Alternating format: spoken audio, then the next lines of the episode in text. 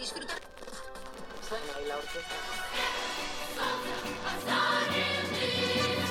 עם שידכא עם אחר, הוא בעצמו לא יהיה חופשי.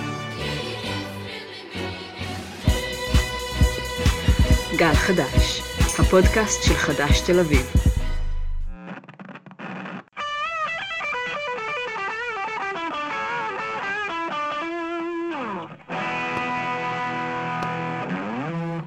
חדש במהדורה מיוחדת. היום שאחרי הקפיטליזם. סדרת פרקים על פוסט-קפיטליזם במבט ביקורתי. שלום חברות וחברים, אני גולי דולב השילוני, ואתן מאזינות לגל חדש, הפודקאסט הראשון שעבר אוטומציה מלאה.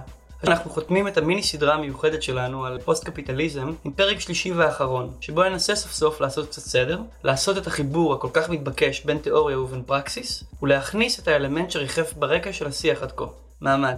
כדי להתמודד עם כל הסוגיות הללו, הזמנו לאולפן את עמי וטורי, מזכ"ל משותף של כוח לעובדים ומרצה באוניברסיטת חיפה. אני רוצה לשמוע ממנו קצת על איך הוא רואה את הניתוח הפוסט-קפיטליסטי, על מאבקי עובדים, על החשיבות שלהם בתיאוריה פוליטית ועל הקשר בין השניים. אבל שנייה, לפני שמתחילים, כמה דברים. תעשו לייק ו subscribe, וזכרו, יש לנו גם ערוץ וואטסאפ, בו תהיו הראשונים לשמוע על כל פרק שיוצא. את כל הפרטים אפשר למצוא ב description. אה, זהו, בואו נתחיל. תודה רבה שאתה כאן, עמי. תודה, תודה לכם. באמת, אה, בחיבור הזה בין תיאוריה לפרקסיס, הייתי רוצה להתחיל משאלה שמתחילה בניסיון האישי שלך וגולשת ישר למושגים הכי גדולים. תוכל לספר לי, ככה על קצה הלשון, מה לימדה אותך עבודה במסגרת איגודים על החזון הפוליטי? או יותר נכון, אתה יודע, על הדרך הנכונה להגיע לחזון? אה, במידה רבה היא לימדה אותי שיותר חשוב מה אתה עושה ממה אתה אומר. כי זכיתי להכיר הרבה אנשים שהם מגלים אומץ, שמבינים את המהות של החברה שהם חיים בה, את כן. המהות של המטרות שלהם, אה, והם לא היו כותבים איזה מאמר אה, ביקורתי, ב, אני יודע מה, באחד מהגיליונות של האקדמיה הישראלית. אבל הם מבינים את זה יותר טוב מהרבה מאוד, נקרא לזה, מרקסיסטים אקדמאים, אם נשתמש באיזשהו... כן.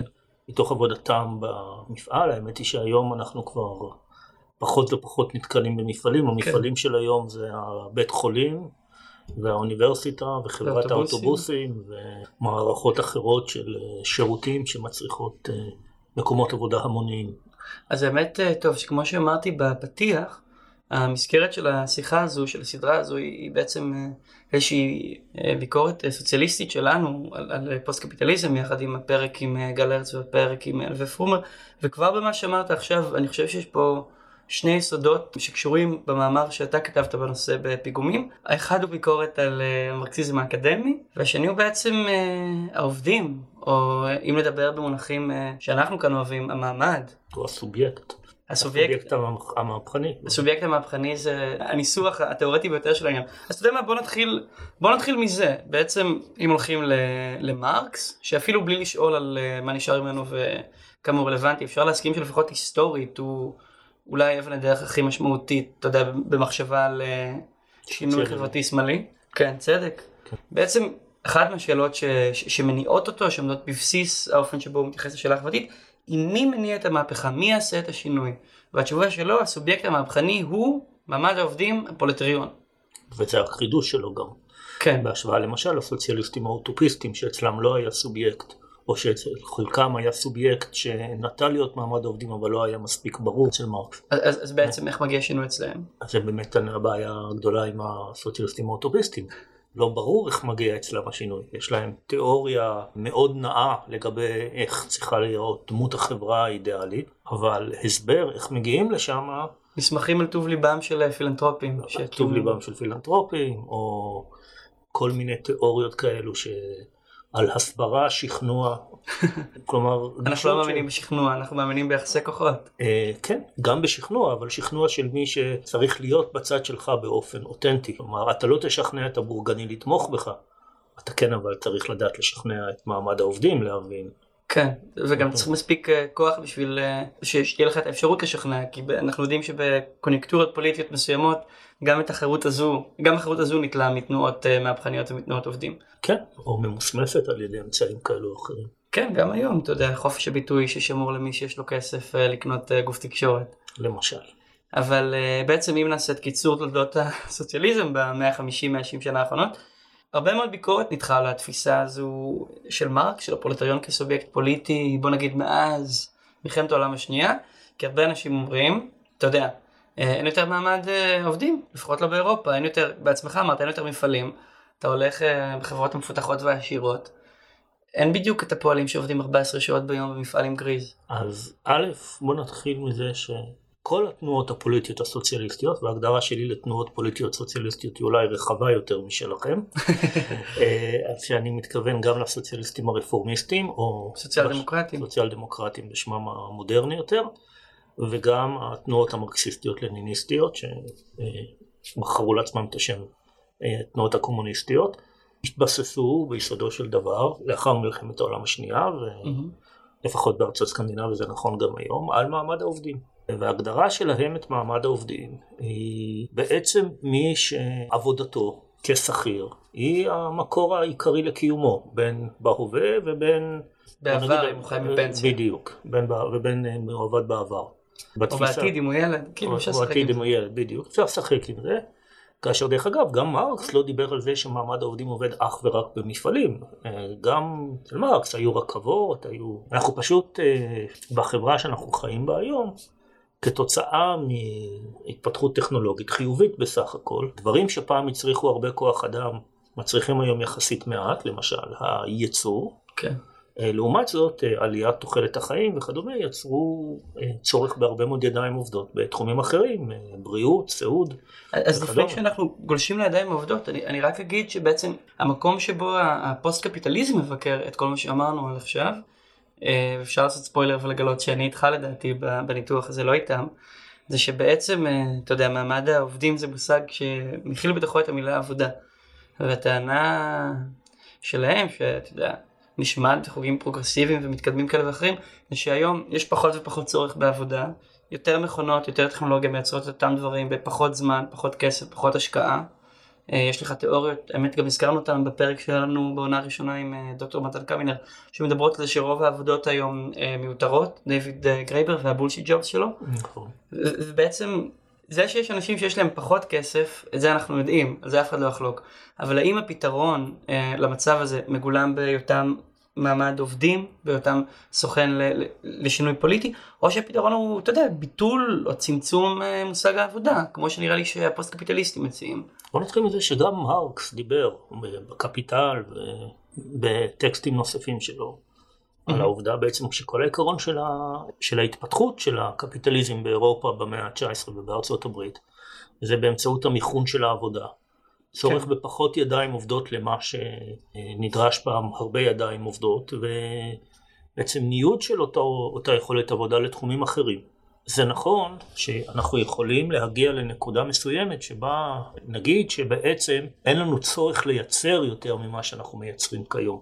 ובמצב הזה שבוא נגיד אין הצדקה יותר לצמיחה אז יש הצדקה לצמצום עבודה בעיניך? בדיוק הצדקה לצמצום עבודה, אבל השאלה אם אנחנו נמצאים בנקודה הזאת היא כבר שאלה שיכול להיות שנוח לענות עליה בתשובה חיובית שאתה חי בברקלי, קצת פחות באוניברסיטה, לא ברובעים שמחוץ לאוניברסיטה, אבל כנראה שקצת יותר קשה במקומות, בטח בחצי הכדור הדרומי שעדיין... מה שנקרא פעם המדינות המתפתחות, חצי הכדור כן. הדרומי. כן. טוב, הכנסת, אתה יודע, תקעת איזה יתד בעין של ברקלי, אז חיברת אותנו בעצם ל- לרגל השנייה שהזכרתי מקודם, שזה בעצם הפוסט קפיטליזם, ביקורת עליו בטענה שהוא ביקורת, אתה יודע, אקדמית של אנשים ממגדל השן ששמים פוסט בהתחלה של מילים. רוצה להרחיב קצת על זה? תראה, א', הנטייה הזאת היא לחפש, להציג שהעבודות אה, נעלמו, אה, היא לא נכונה עובדתית. זה גם סוג של תיאוריית קונספירציה, לא באמת שנשמעת סבירה, שיש היום יותר עובדים שכירים באופן יחסי לגודל האוכלוסייה משהיה אי פעם בהיסטוריה האנושית, וששליש או חצי מהם, או אפילו רבע מהם, הם בעבודות שלאף אחד אין צורך, ואיזושהי כן. יד נעלמה מסתורית יצרה את העבודות האלו יש מאין. פשוט כדי שהאנשים האלו יעבדו במשהו. במקום למשל, גם האנשים דרך אגב שעובדים בעבודות הכי מיותרות, למיטב ידיעתי מקבלים איזושהי משכורת. קשה לי להבין את ההיגיון הקפיטליסטי של להסיק מטוב ליבם עוד מיליון מיליון ורבע איש שאין שום צורך בעבודה שלהם. זה לא ממש אה, מסתדר מבחינת אה, לוגיקה של, נקרא לזה, של התנהלות כלכלית רציונלית ברמת הפירמה או ברמת ה- בעל העסקים, ש... את זה כן יש בקפיטליזם.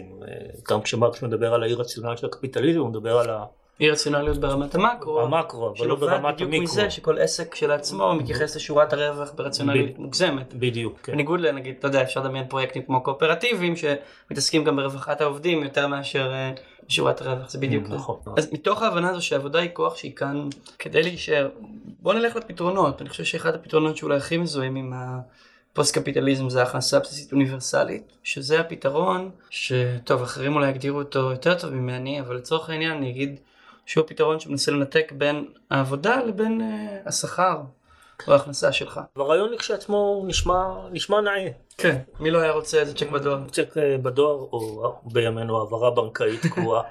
אה, באלסקה יש איזה משהו דומה, והם פעם בשנה מקבלים צ'ק בדואר. בדואר דיבידנד על ה... כן, ואני חושב כן, שהם כאילו מקפידים שזה יהיה צ'ק בשביל... זה יהיה צ'ק בשביל התחושה. כן. דרך אגב, היה בזה במידה מסוימת גם סוג של ניסוי המוני עכשיו בקורונה בארצות הברית, כשחילקו בעצם לכל תושב צ'ק כן. כניסיון להתמודד עם? האבטלה. כן, אשכרה. כן, כניסיון להתמודד עם האבטלה ההמונית אה, וההשבתה ההמונית, יותר נכון, כן. ש- שיצרו הסגרים של הקורונה ב- אה, באמצע, תחילת 2020. אבל הנקודה היא שזה בסדר שלא כל ההכנסה שלנו תהיה תלויה בהשתתפות שלנו במעגל העבודה. אבל פה צריך לזכור שני דברים. א', יש דרכים יעילות יותר מהכנסה אוניברסלית לתת הכנסה אוניברסלית. אני יודע שמה שאני אומר זה נשמע פרדוקס. פרדוקס, אני מתכוון אבל הכנסה בפועל, להבדיל מהמושג שבאמת אומר, כלומר יש דרכים יותר יעילות מאשר לתת לך צ'ק בסכום קבוע פעם בחודש, או כמו? כמו למשל אה, להבטיח לך שירותי חינם. אה, כן. כי שירותי חינם מניחים את המצב שבו יכול להיות שכרגע אני לא זקוק לאותו שירות, אבל ברגע שאני אזדקק יהיה לי אותו בחינם. כרגע, למשל, הסכום שחס וחלילה צריך להוציא על מי מאיתנו שמאושפז כיום בבית חולים מודרני, הוא הרבה יותר גדול מסכום חודשי של הכנסה אוניברסלית. כן. והיכולת לעשות את זה נובעת מהעובדה שלמרבה המזל, רובנו לא צריכים באותו רגע נתון להיות בבית חולים, ואני מניח גם שאף אחד מאיתנו לא עובר ניתוחים בהתנדבות רק כי השכן עבר. זה מה שמאפשר בעצם את קיומה של מערכת בריאות ציבורית. קיומו של ביטוח בריאות. כמו שביטוח בריאות ומערכת בריאות שהיא מערכת כן. בריאות ציבורית, או שירות בריאות ציבורי. אבל כל זה היה באלף, בזה שיש דרכים יעילות יותר לייצר אה, הכנסה אוניברסלית מאשר הכנסה אוניברסלית, אני מניח שיש גם ב'. ויש ב', והוא שהעבודה עדיין נדרשת. עכשיו, אפשר לנתק את הקשר בין עבודה לבין הכנסה. להגיד לאנשים, אתם תעבדו מתוך הרצון שלכם לתרום לחברה, כי החברה תדאג לכם בהכרח להכנסה שתספק את צורכיכם. אוקיי, שזה אה, גמול חברתי בעניין, גמול אפשר לחשוב על שהן אה, לזה. זה לכאורה, זה המודל שנקרא מכל אחד על פי יכולתו לכל אחד על פי צרכיו. אה, אתה יודע, יש גם ניסויים קטנים שבהם, לא יודע מה, גינה שכונתית, שבמקום שהגנן העירוני יטפל בה, אה, כל אחד מתושבי השכונה נותן בה שעה, שעתיים בשביל הגינה הקהילתית והשכונתית. יש מודלים שונים שבהם הדבר נכון, הזה עובד בעיניי. כן, אבל אה, צריך לזכור דרך אגב שהשלב הזה אה, הוא דרך אגב שלב שמרקס הגדיר אותו כשלב אוטופי.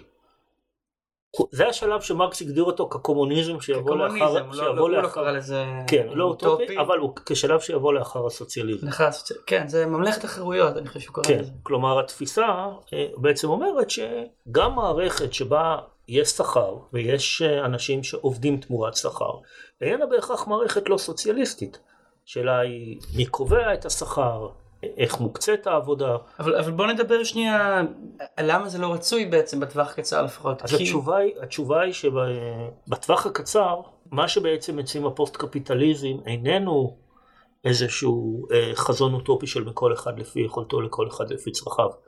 שאם אפשר היה לעשות את הקפיצה לשם, שנקרא. באופן מהר, בשמחה. תרשמו אותנו. תרשמו אותנו באמת. אלא הם מדברים בעצם על מצב שבו אנחנו נסכים בעצם לבצע עבודות הרבה יותר בזול, או נהיה במצב של בטלה כי העבודה שלנו בכלל מיותרת, ועדיין יהיו אנשים אחרים שיהיו בעלי המפעלים, ובעלי המפעלים ירוויחו מאוד מהעובדה שהודות להכנסה אוניברסלית, אנחנו מוכנים לעבוד ב-50% או 40% ממה שהיינו דורשים בלי הכנסה אוניברסלית. כי אנחנו בעצם מחפשים עוד קצת כסף ולא צריכים את הכל. הוא לא צריך את הכל. לא, לא סתם הרעיון של אה, הכנסה אוניברסלית, בגלל גם בכיוון, מכיוון של ניאו-ליברלים, דוגמת, דוגמת כן. מילטון פרידמן. כשההצעה שלהם, שהיא הצעה מאוד מאוד מסוכנת, ועצם הדיבור על הכנסה אוניברסלית מאפשר אבל אותה, גם מאוד מאוד הגיונית מה, מהזווית שלהם. הזווית שלהם כן, אבל הרעיון שלהם הוא שהכנסה אוניברסלית גם תחליף את כל הקצבאות כן, הקיימות. קצבת הילדים, קצבת הזקנה. וזה מחזיר אותי לדוגמה של בריאות וחינוך ודברים אחרים. בעצם ייווצר מצב שבו יגידו לך, אתה מקבל כל חודש 500 שקל, גם אם כרגע אתה זקוק לעשרת אלפים וגם אם אתה כרגע אתה לא זקוק לכלום, וכאשר תיקלע למצבי חיים קשים שבהם אתה זקוק להרבה יותר מ-500 שקל, אין, כי כבר חילקנו את ה-500 האלו לכולם, וזה אחד מההבדלים. אתה יודע, כשהתחלנו את הדיון בפוסט קפיטליזם לפני שהגדרנו את הקפיטליזם כשלעצמו. מה זה לי- קפיטליזם? כן, נראה לי שזה חלק גדול מאי הבהירות, אתה גם נדרש לזה בתחילת המאמר שלך, אבל בעצם, אה, אני חושב שאתה יודע, טוב, תגדיר אתה קפיטליזם, נעשה את זה ככה. כן, אז בוא נגיד שאין הגדרה מוסכמת למה זה כן. מי שמשתמש לראשונה במושג הזה זה מרקס. נדמה לי שהיה פה ושם שימוש במושג הזה לפני מרקס, אבל לא, ב... לא במובן לא של במובן ייצור, של אה, אופן ייצור. לא במובן של שיטה חברתית כלכלית שנגזרת כן. באופן ייצור.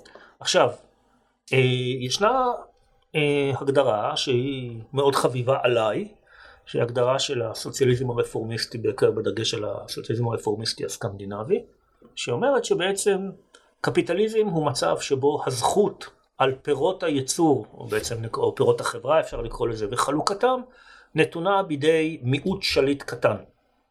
אה, לעומת המצב ההפוך שהיא בידי הכלל ולמען הכלל, כאשר ההבדל, כי הרי הדבר הזה שאמרתי איננו חידוש, הוא היה נכון גם לגבי אולי תקופות כמו הפאודליזם והמרקנטיליזם מלך והאחרות. כן, החידוש הוא שאותו מעמד מתאפיין בסיפור עצמי, כלומר זה לא באמת אולי המציאות, אבל הוא מאמין אה, שהוא פועל על פי עקרונות של מריטוקרטיה, כלומר, המוכשרים ביותר, הם, המוכשרים ביותר הם אלו שיקבלו בניגוד למיתוס הזכות האלוהית, שיש מלך בדיוק, הזכות האלוהית או הזכות המסורתית, שהדרך המרכזית שבאמצעותה הם אה, פועלים כדי אה, לייצר את היתרון הזה בידיהם, הוא על ידי הכוונת החברה לייצור של עודפי ייצור ואגירתם.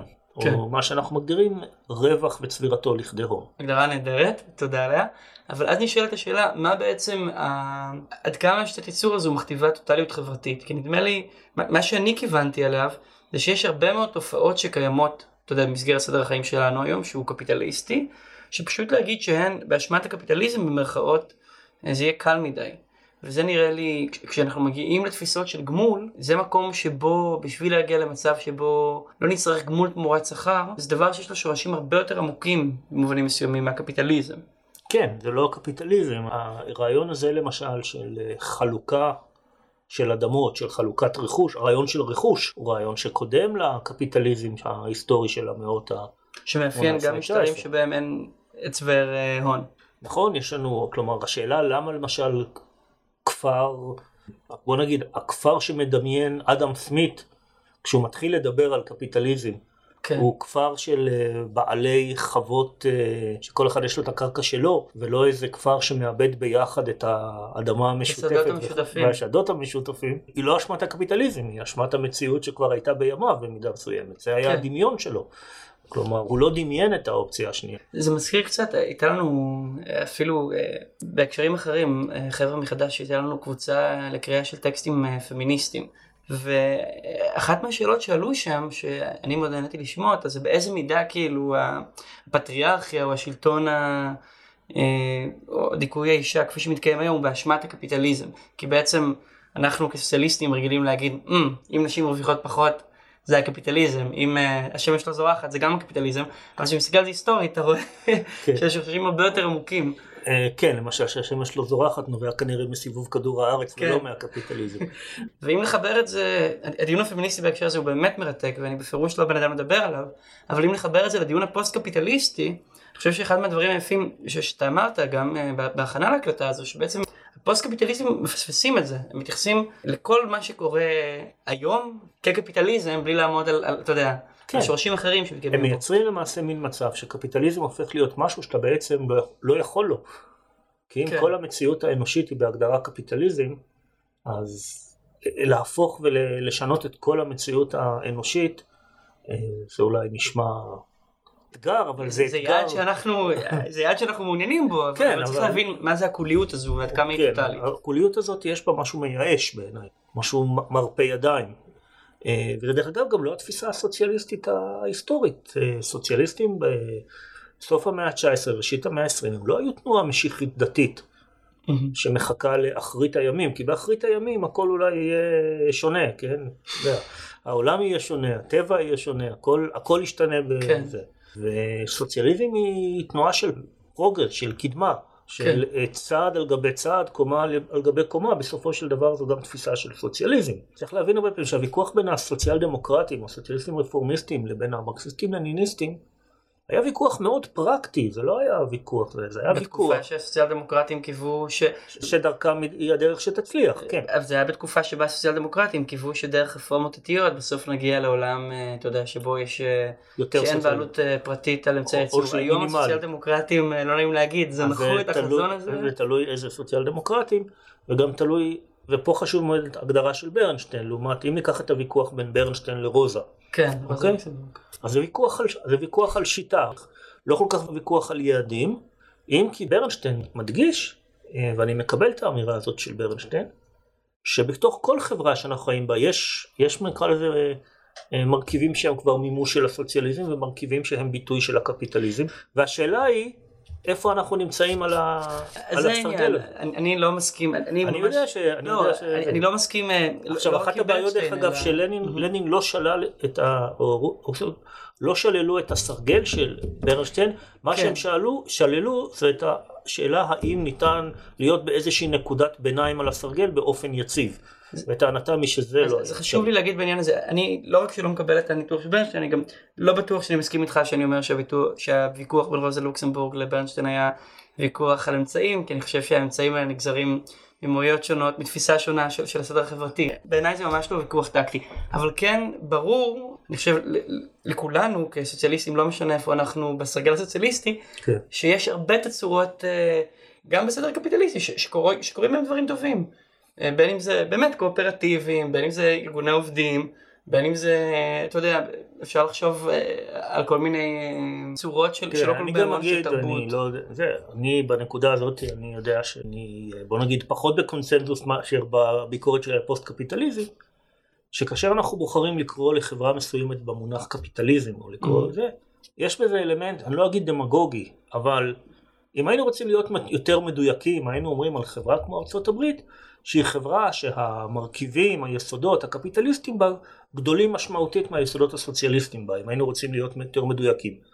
טוב, אז זה באמת גם שאלה של, של, של יציבות. האם שם טיפה כחולה בים אדום, האם היא לא תימהל בתוכו, או להפך, כאילו יש פה עניין של... אז זה באמת השאלה באמת של היציבות, והשאלה היא באמת, כשמסתכלים למשל על מדינת הרווחה המערב אירופאית, אני בכוונה לא הולך לדוגמאות של סקנדינביה, כי סקנדינביה באמת במקום מאוד מאוד מתקדם, אבל אני בכוונה אלך אפילו למקום כמו הולנד. או גרמניה, נלך לגרמניה אפילו, יותר, פחות מהולנד. אה, נלך על מקום כמו גרמניה, אני לא חושב ש...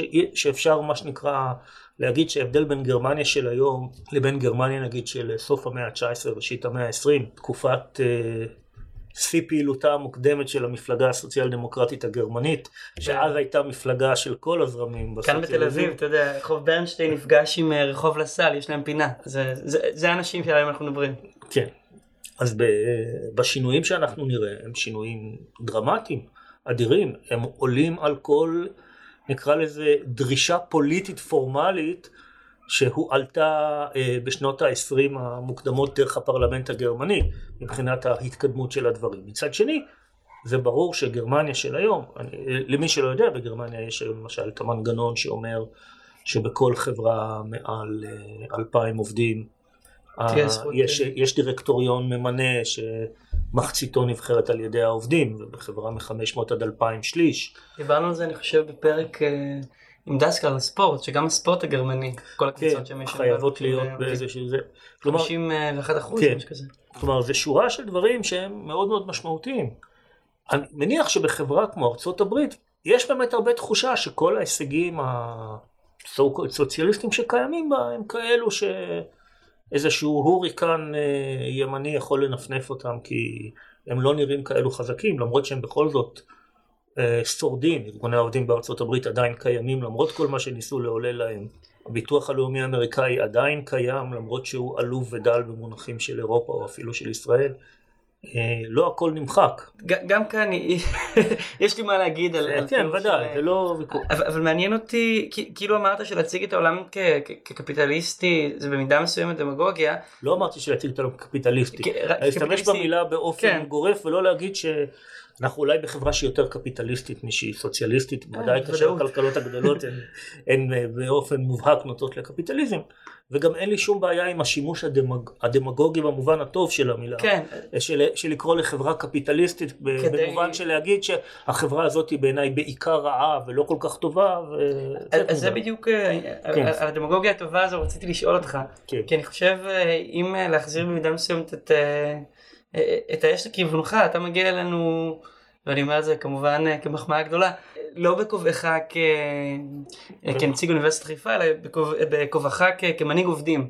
כן. ויש משהו אולי, אה, ש- שאני שואל אותך, האם אולי לא חשוב לך לשמור על אופטימיות מסוימת בשביל להצדיק את התהליך הפוליטי? כי כשאתה ניגש לארגן הפגנות, שביתות, וואטאבר, אתה צריך לשכנע את האנשים שיש לזה תוחלת. חד משמעית. אז התשובה היא כן, ודאי.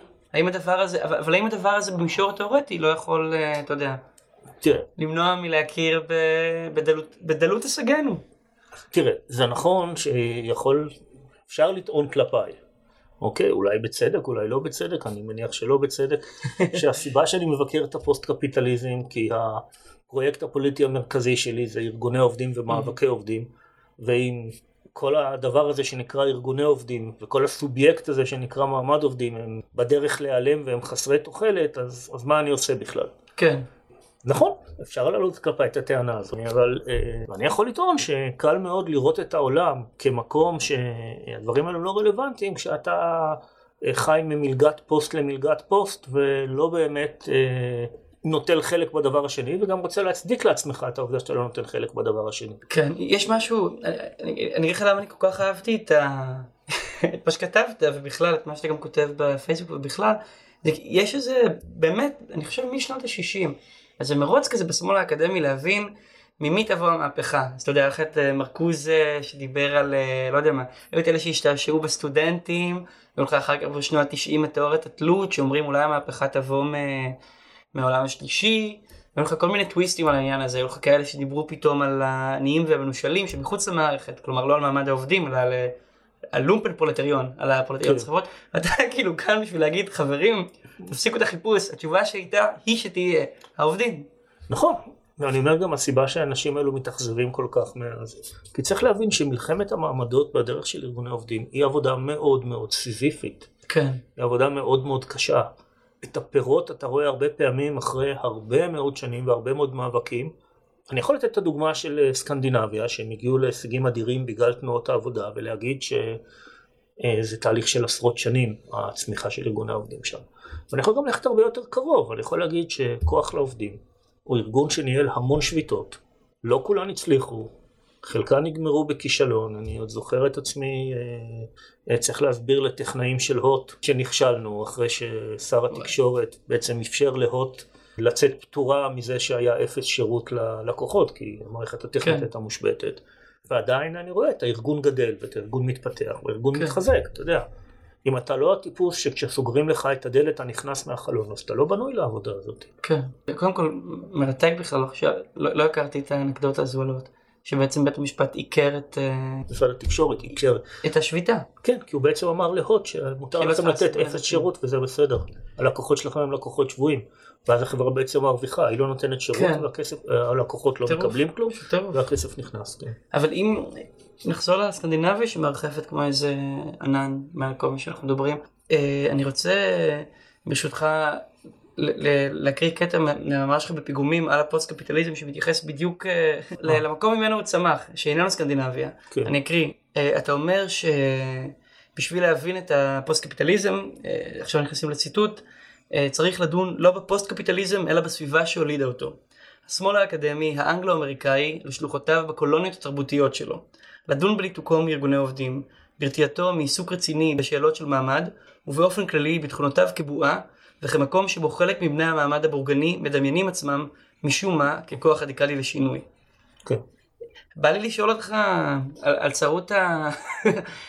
אולי לא על צרות האופקים האמריקאית, כי נראה לי שהיא מובנת לנו, אבל אולי על האופן שבו היא מחלחלת אליהן. אז תראה, אז uh, אני, עוד פעם, אני כמובן משווק את המ- את מרכולתי בזירה המקומית, uh, אז אני uh, מאמין גדול מאוד בכוח לעובדים, כשנדבר על פעילי כוח לעובדים. אז חלקם סטודנטים, חלקם uh, מתנדבים, ישנו גם הצוות השכיר של כוח לעובדים, שכולו, uh, או ליתר דיוק הצוות האיגוד מקצועי של כוח לעובדים, ש... גם ראיינו את אה, רום שלזינגר. כן, שכולו. מורכב מאנשים מאוד מאוד אידיאולוגיים, הם לא עושים את זה בשביל המשכורת, אה, אלא, למרות שכמובן יש משכורת, אלא עושים את זה אה, כי... אה, בקשר למה שאמרנו, שצריכה להיות משכורת. כן. אבל, בסופו של דבר, הסדרה המרכזית של פעילי הארגון שלנו הם חברי הוועדים. זה אנשים שהם, בוא נגיד, הם אנשי אקדמיה, זה כי זה ועד של סגל זוטר במכללה, לא בגלל שהם אנשי אקדמיה. גם באמת הדבר הזה, מתוך העבודה עם האנשים, מייצר קואליציות כן. אה, מאוד מיוחדות. אני זוכר סתם במקרה שנחשפתי למאבק של כוח לעובדים מ-2014, אני חושב, של אה, שוחטים, כן. שזה סיפור שסתם, בלי להיכנס ל- לכל הפרטים, סוציולוגי? שליוו אותם טבעונים בחלק מהמקרים, צריך רק באמת? להבין. כן. אז זה עוד מוסיף אה, איזה נדבך, אני אגיד אה, שזה היה בעצם מפעל בבעלות קיבוצית של קיבוץ אה, של קיבוצי הגליל המערבי. קיבוץ, אתה יודע, שמאלני, מרצניקי, עם טנדנציות, לפחות היסטוריות סוציאליסטיות, שמעסיק אה, חרדים מזרחים בתור אה, שוחטים ומשגיחי כשרות, כן. והחרדים האלה נאבקים יחד עם הטבעונים כנגד מי שכביכול הם בעלי הברית הטבעיים שלנו, הקיבוצניקים. כן. אפשר לחשוב גם... מנהלים מאבק מאוד אמיץ. אנשים שאפילו כשאמרו להם שבית המשפט פסק נגד, אמרו אנחנו נשארים כוח לעובדים. באמת? כן. וואו. אז זה בדיוק החיבור אה, לאנשים עצמם. מייתר בכלל את עצם העלאת השאלה של הסובייקט. כן. ולי גם בא להגיד ש, שההתאהבות בתיאוריות רדיקליות אה, כל כך מקוריות וכל כך חדשות, עם פוסט בהתחלה, זה לאו דווקא פוסט אה, קפיטליזם, זה גם יכול להיות פוסט פנומנולוגיה לצורך העניין. מגיע לא מתוך ניסיון אמיתי להתמרד במערכת, אלא מתוך איזו השפעה, מתוך אמריקניזציה של השמאל, מתוך אה, קבלת, אתה יודע, האימפריה הגדולה על מאפייניה, ששונים מהמאפיינים שלנו. או מתוך הצורך לייצר טקסטים כתובים. כל אחד והעבודה שלו. זה דווקא צורך אה, מטריאליסטי, לא אנחנו מכירים בו. כן. אנשים שצריכים לכתוב, על זה מקבלים את פת אה, לחמם, צריכים. לכתוב. כן. עם זה אין לנו בעיה. אני- רוצה לתאר איזו מציאות אה, פוטוריסטית, עתידנית כזו, די קודרת, שבה לאנשים אין אה, שום כוח או חלק בתהליך הייצור. כל דבר נמצא במרחק איזה קליק אה, בטלפון או במחשב, אבל מצד שני, אין לנו שום שליטה בייצור. בגדול בגלל האוטומציה שרובוטים אפשר לדמיין אני לא יודע מה את הסרט וולי נראה לי קצת בכיוון הזה לפני שכדור הארץ נחרב. אם חוזרים לאופטימיות אם חוזרים לסובייקט איך אנחנו נחלצים מהסיטואציה הזו ש- ש- או נמנעים ממנה אה, לנוכח התחושה שלפחות הובעה בפרק הקודם שלשם אנחנו דוהרים. שאני לא בטוח שלשם אנחנו דוהרים. או מעולה. אוקיי. אה, אני רק אגיד להבדיל שזה אחד, ש... אני לא זוכר אם זה היה, מי היה בדיוק החוקר או המלומד, אבל הייתה איזושהי הערכה אה, שלונדון אמורה להיסתם לחלוטין בגללי סוסים בגלל ריבוי העגלות אה, בראשית המאה ה-19 וזה לא קרה כי הדברים הם אה, עתידנות היא תחום מאוד מפוקפק ואנחנו רואים את זה בשוק העבודה אני חושב שאנחנו סיסמוגרף יותר רגיש כשאנחנו רואים איפה אנחנו מאגדים ואיפה נמצאים העובדים אנחנו כארגון עובדים ולא כן, כאקדמיה. כן כי אנחנו כארגון עובדים אנחנו כאתם לא אני. כן. אה, אז אנחנו רואים באמת שהתחום הזה של העבודות שמבוססות על, ה- נקרא לו, על המגע האישי, על השירות האישי, הולכות וגדלות, כי אני לא רואה מכונה שיכולה להחליף אחות בבית חולים, אני לא רואה מכונה שיכולה להחליף מטפל סיעודי, ואני לא מדבר על מטפלים סיעודיים בתנאי העבדות שמתקיימים בישראל, אלא... כן. אה, עובדים הזרים. כן, של העובדים הזרים, אלא אנשים שעובדים במשמרות בטיפול. אם נלך לישראל, אז אפשר לראות את זה אולי בבתי אבות נגיד, מטפלים שמטפלים בבתי אבות, שזה לפחות לא... כלומר, המקצועות האלו צומחים. בשוודיה, אני, יש כיום במערכת הבריאות ה... הרגילה והסיעודית, מערכת הסיעודית, למעלה מ-800 אלף עובדים. זו מדינה של עשרה מיליון. המון. וזה זה, זה הענף הצומח ביותר, כי אוכלוסייה מתבגרת והצורך קיים. טיפול בילדים, חינוך, כל הדברים האלו. תמיד שאנחנו אנחנו מנהלים הרבה מאוד מאבקים של אה, נהגים בכוח לעובדים. ותמיד שמאבק כזה מתחמם, תמיד צץ איזה ליברטיאן אצלי בפיד, ואומר עוד מעט לא יהיה צריך אתכם, המכונות האוטונומיות, המכוניות האוטונומיות יחליפו אתכם, כן? קודם כלומר- כל אה, אני שמח מאוד שגם בפרק הזה נתת לנו הזדמנות לעלוב בליברטיאנים, זה אחד מתחביבינו כצוות וגם כאנשים פרטיים. כן, כאילו פשוט הסולידריות הזאת מעצבנת אותם והם חייבים אה, להכניס. כן. והתשובה היא שאפילו בוא נחשוב על אוטובוס אוטונומי.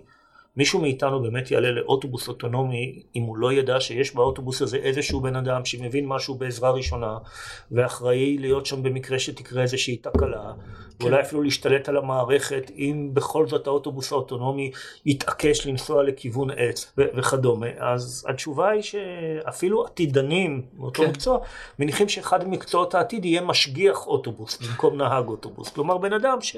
בקר יש- כזה. בקר שיש לו גם הכשרה של נהג והוא בשעת צורך לוקח. אני חושב שככה זה כבר, אה, סתם ראיתי סרטונים כאלה, רכבות בסין, שבחלק גדול מהנסיעה הנהג הוא יותר אה, כן, משגיח. דרך אגב, גם במטוסים שטסים בדרך כלל היום. על טייס אוטומטי. טייס הוא אוטומטי, אבל עדיין יש טייס. זה אפילו אה, סגן, לא?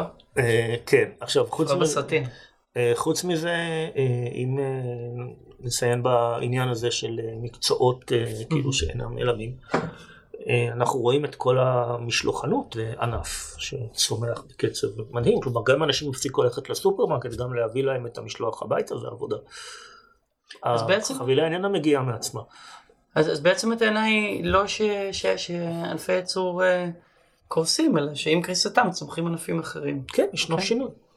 וחלק מהתכונות של תנועת עבודה אפקטיבית זה להיות מאוד דינמית ולדעת איך להתמודד, איך לצורך להתמודד העניין, עם הבעיות לרוץ. נגיד שמה- יתרון של ארגוני העובדים הסקנדינביים, נגיד על ארגוני עובדים אנגלו-סקסים, מהמם. זה היכולת שלהם לאגד במהירות את עובדי השירותים כאשר התעשייה הצטמקה.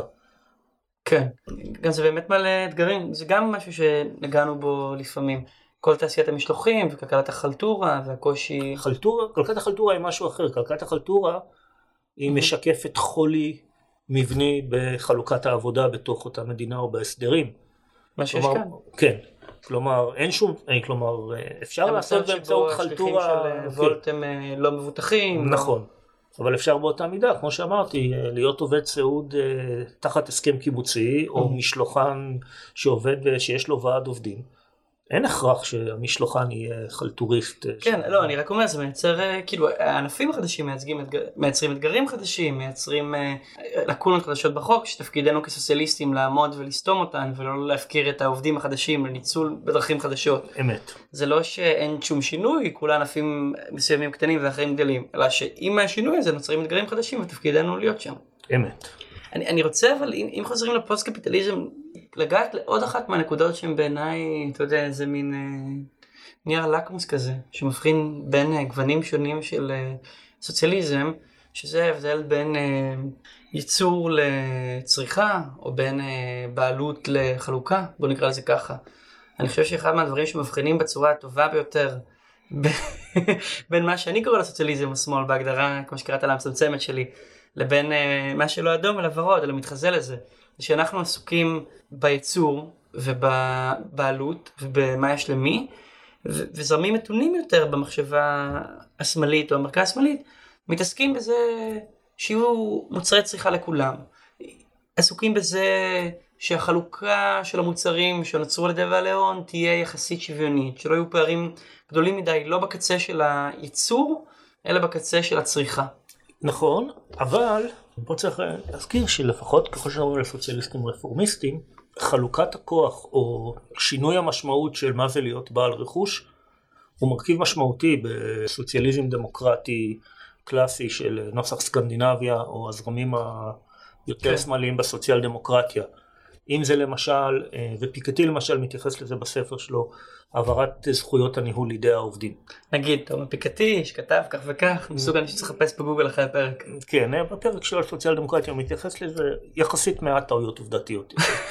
אה, זה לא התמחות שלו, אבל כלומר המצב למשל שבו ההנהלה של החברה באופן מובנה חלקה נבחרת על ידי ארגון העובדים, שפונקציות ניהוליות מועברות מתוקף חוק לארגון העובדים. הנקודה למשל כמו של... שאמרת בגרמניה בוורציה כזו אחרת. אה, אה, כן, שזו עוד גר- גרסה רכה, הגרסה מאוד. בסקנדינביה קשוחה יותר. אה, מה הגרסה בסקנדינביה? סקנדינביה, כל נושא הבטיחות בשוודיה ובנורבגיה מנוהל על ידי העובדים. בטיחות הזכות- בעבודה כאילו? כן, כולל הזכות להפסיק את העבודה. אה, ויש להם בדירקטוריון המנהל, זה לא הדירקטוריון הממנה, בין שליש ל- לחצי המון. מהזה, כשכמובן מספיק להם עוד איזה 15-20% מהמניות כדי להיות בשליטה מלאה, אם זה מה שמעניין אותם. אה, גם יש בסקנדינביה את העניין שחלק גדול מההון הפיננסי, הון המניות, הוא בקרנות בשליטת ארגוני העובדים והמדינה. כן. בנורבגיה למעשה רוב ההון הוא בקרן של המדינה. וגם שינוי מושג הבעלות אפילו בעניינים בסיסיים כמו קרקע. כלומר, למשל, אה, בארצות סקנדינביה, במיוחד בשוודיה, נורבגיה ופינלנד, ישנו העניין של נחלת הכלל. כלומר, אם אני נחשב כבעלים של קרקע, כן. אין לי זכות למנוע מעבר של אנשים דרך הקרקע שלי, או אפילו שהייה שלהם בקרקע שלי, כל עוד הם לא אה, פוגעים? פוגעים בנכס, או מבצעים פעולות שפוגעות באופן קיצוני בפרטיות שלי. מדהים. אמ, אבל בעצם, זה לא, כלומר, המשמעות של להיות בעל חלקת קרקע בשוודיה איננה דומה למשמעות של להיות בעל חלקת קרקע. בישראל או בארצות הברית. באנגליה עם הכבישים הפרטיים שלהם, אני זוכר שהייתי בלונדון, לא במרכז העיר, אלא ממש, אתה יודע, בפרברים היהודיים שבגולדרס גרין, אתה הולך ליד הפארקים, חצי מהרחובות אתה לא יכול ללכת, אתה לא יכול ללכת כי זה רחוב פרטי. כן. זה המצאה שעוד לא הגיעה אליהם. צריך גם להבין, ודרך אגב אחד מהדברים המעניינים אצל הסקנדינבים, של פירוק המושג רכוש. להגיד בעצם רכוש הוא אוסף של זכויות. זה לא רק הבעלות הפורמלית, אלא מה מקנה לך אותה בעלות פורמלית. כן. ואתה מפרק אותה. אבל אם נכניס את ה- אבל אם פעם, את נכניס לנקודה הזאת, אז הפוסט-קפיטליזם הפוסט-קפיטליזם באמת אה, עושה רושם אה, שהוא יותר ממוקד בצריכה מאשר בייצור, זה חד משמעית, בין השאר כן. מתוך הנחה ש... שהייצור הוא לא העניין, שהייצור הוא לא אישו, כי לא עובדים כן, יותר. לא רק זה, שעוד מעט נגיע למצב שבו הייצור יהיה בהגדרה שיתופי, אם רק אה, ניתן לו להיות כזה, כן? אה, שכולנו בעצם אה, נעבוד במין איזה ויקיפדיה אחת גדולה, אה, שזאת היא בעצם אחת מהטענות שמעלים אה, חלק מהפוסט קפיטליסטים, אבל אני דווקא תקפתי את הפוסט קפיטליסטים על חוסר מקוריות, כלומר כשהם כבר באים ואומרים אנחנו רוצים ללכת מעבר, אנחנו לא כמו הסוציאל דמוקרטים הוורודים, לנו יש פתרונות רדיקליים, והם לא אומרים דבר אחד שלא קיים בארצות סקנדינביה ובדרך כלל בגרסה יותר חדה ממה שהם מציעים. כלומר, אין בעיה לחדש, אבל צריך לדעת משהו כן. לפני שאתה מחדש, ולא למחזר דברים ולחשוב שהמצאת את הגלגל. דווקא במובן הזה אני צריך, דווקא שכנעת אותי להיות קצת צרכן כלפיהם. אם אם זה הרעיונות, כן. כן, אם הם קוראים לזה פוסט קפיטליזם ובעצם מקדמים את הרעיונות בעיקר מסכימים עליהם. אבל זה אני חייב להגיד בעיקר הסניף הישראלי. הפוסט קפיטליסטים האמריקאים או הבריטים לא נראה לי שנמצאים במקום הזה. זה טוב, אבל, אה, אבל, אבל כן אני אגיד ש, ש, שבסופו של דבר אתה אמרת שהעניין הוא המאבק ולא הדיבורים. אם המאבק הם איתנו, אז הם איתנו. זה, זה כן. זה גם נייר לקמוס חשוב. זה גם נראה רק חשוב, ואני חייב להגיד שבוון ליר מאוגדים בכוח לעובדים, אז הכל בסדר. אני, אני חושב שאנחנו כבר אה, דוהרים לקראת סיום במהירות אה, של אה, נהגי אוטובוסים. אז אולי אני... הם דווקא מקפידים על מהירות, אני מבקש. אז במהירות של נהגי אוטובוסים לא מאוגדים, עם איזה, אתה יודע, נוגס שעודה בהם. כן, שלוחץ בהם, כן. אז נראה לי אני אשאל אותך שאלה אחרונה. והיא מה מכל ה... אם התחלנו לדבר עליך כמי ששונה משני המרואיינים האחרונים בסדרה שלנו שאנחנו אוהבים אותם מאוד על אף שהם אקדמאים אה, בתור מי שמגיע לנו בתור איזה כובע משולב רוב הדיון היה תיאורטי אני רוצה ל- לרדת איתך שוב לפרקטיקה אה, תן לי איזה כאילו מוסר השכל אחד זה שיעור ללכת איתו הביתה כאזרח ישראלי. שאני חושב שהפעולה הכי משמעותית שבן אדם יכול לעשות היא להתאגד. יאללה אני בעד. כן, לראות אם מקום העבודה שלך הוא בר איגוד, אם בהסתדרות, אה, על כל מגרעותיה, בכוח לעובדים, צריכה להיות הפעולה האינטואיטיבית של בן אדם שהוא סוציאליסט. יאללה אז. אה, ליטול חלק בבניית הכוח. יאללה, אז אנחנו שולחים uh, קריאה מכאן לכל מאזיני הפודקאסט באשר, הם יתאגדו לכם. כן. תודה רבה, עמי ואטורי. הרבה פעמים כשאנחנו מדברים על העולם שאחרי הקפיטליזם, אנחנו מדמיינים אוטומציה מלאה, טכנולוגיה מתקדמת, הכנסה חודשית מובטחת לכולם, ושפע של זמן פנוי ומשאבים לעשות את מה שאנחנו אוהבות. אולי זה כיף שלא נצטרך לעבוד, ושרובוטים יגישו לנו קוקטיילים על החוף. אבל חשוב לזכור שאם יש משהו שלא ילך לשום מקום, זו עבודה. אולי תיראה אחרת, אולי המשרות שיהיו בעתיד יהיו שונות מכל מה שאי פעם דמיינו, אבל תמיד יהיה צורך בעובדים. ואיפה שיש עובדים, יש מאבקים. לא רק על uh, תנאים סוציאליים ומשכורות, אלא גם על שאלות גדולות יותר, כמו מי שולט בייצור, בתהליכים ובאמצעים. החלק שלנו, כעובדים ועובדות בתהליכי הייצור, והיכולת שלנו להשפיע עליהם, חשובים מאין כמוהם. אנחנו רואים את זה בהקשר מגדרי, בו נגענו בקצרה, בשאלות של אקלים, ובכל היבט פוליטי וחברתי בחיים. יכול להיות שאנחנו כבר בסוף של הקפיטליזם, כפי שמרקס ראה אותו, ואנחנו עומדים בפני תקופה חדשה. עכשיו יותר מאי פעם, כל הכוח בידיים שלנו, ואולי הגיע הזמן שנתחיל להשתמש בו. עד כאן היום גל חדש, הפודקאסט של חדש תל אביב. חולמות על רובוט שממלא אקסלים? מצרפים את כל האושפיזין לאיגוד? תכתבו לנו. אנחנו בכל מקום שאפשר להיות בו. יוטיוב, ספוטיפיי, אפל מיוזיק וכל אפליקציית פודקאסטים שיש לכם. אם אתם רציניים באמת, בואו לקבוצת הוואטסאפ האקסקלוסיבית שלנו, בה תהיו הראשונים לדעת שיוצא פרק חדש. ואם אהבתם את מה ששמעתם, תשתפו, תדרגו, תספרו לחברות ולדודים, תעזרו לנו להגדיל את הגל. זה גם המקום להודות לדורי אלונקה על התחקיר ועל ההקלטה, לטל שדות על הסאונד, לתומר שור על הכתיבה, לכל צוות הפודקאסט, וכמובן שגם לכם, המאזינות והמאזינים שלנו. תודה שאולי עמי ואטורי שהיה איתנו, אני הייתי גולי דולב השילוני, revoir.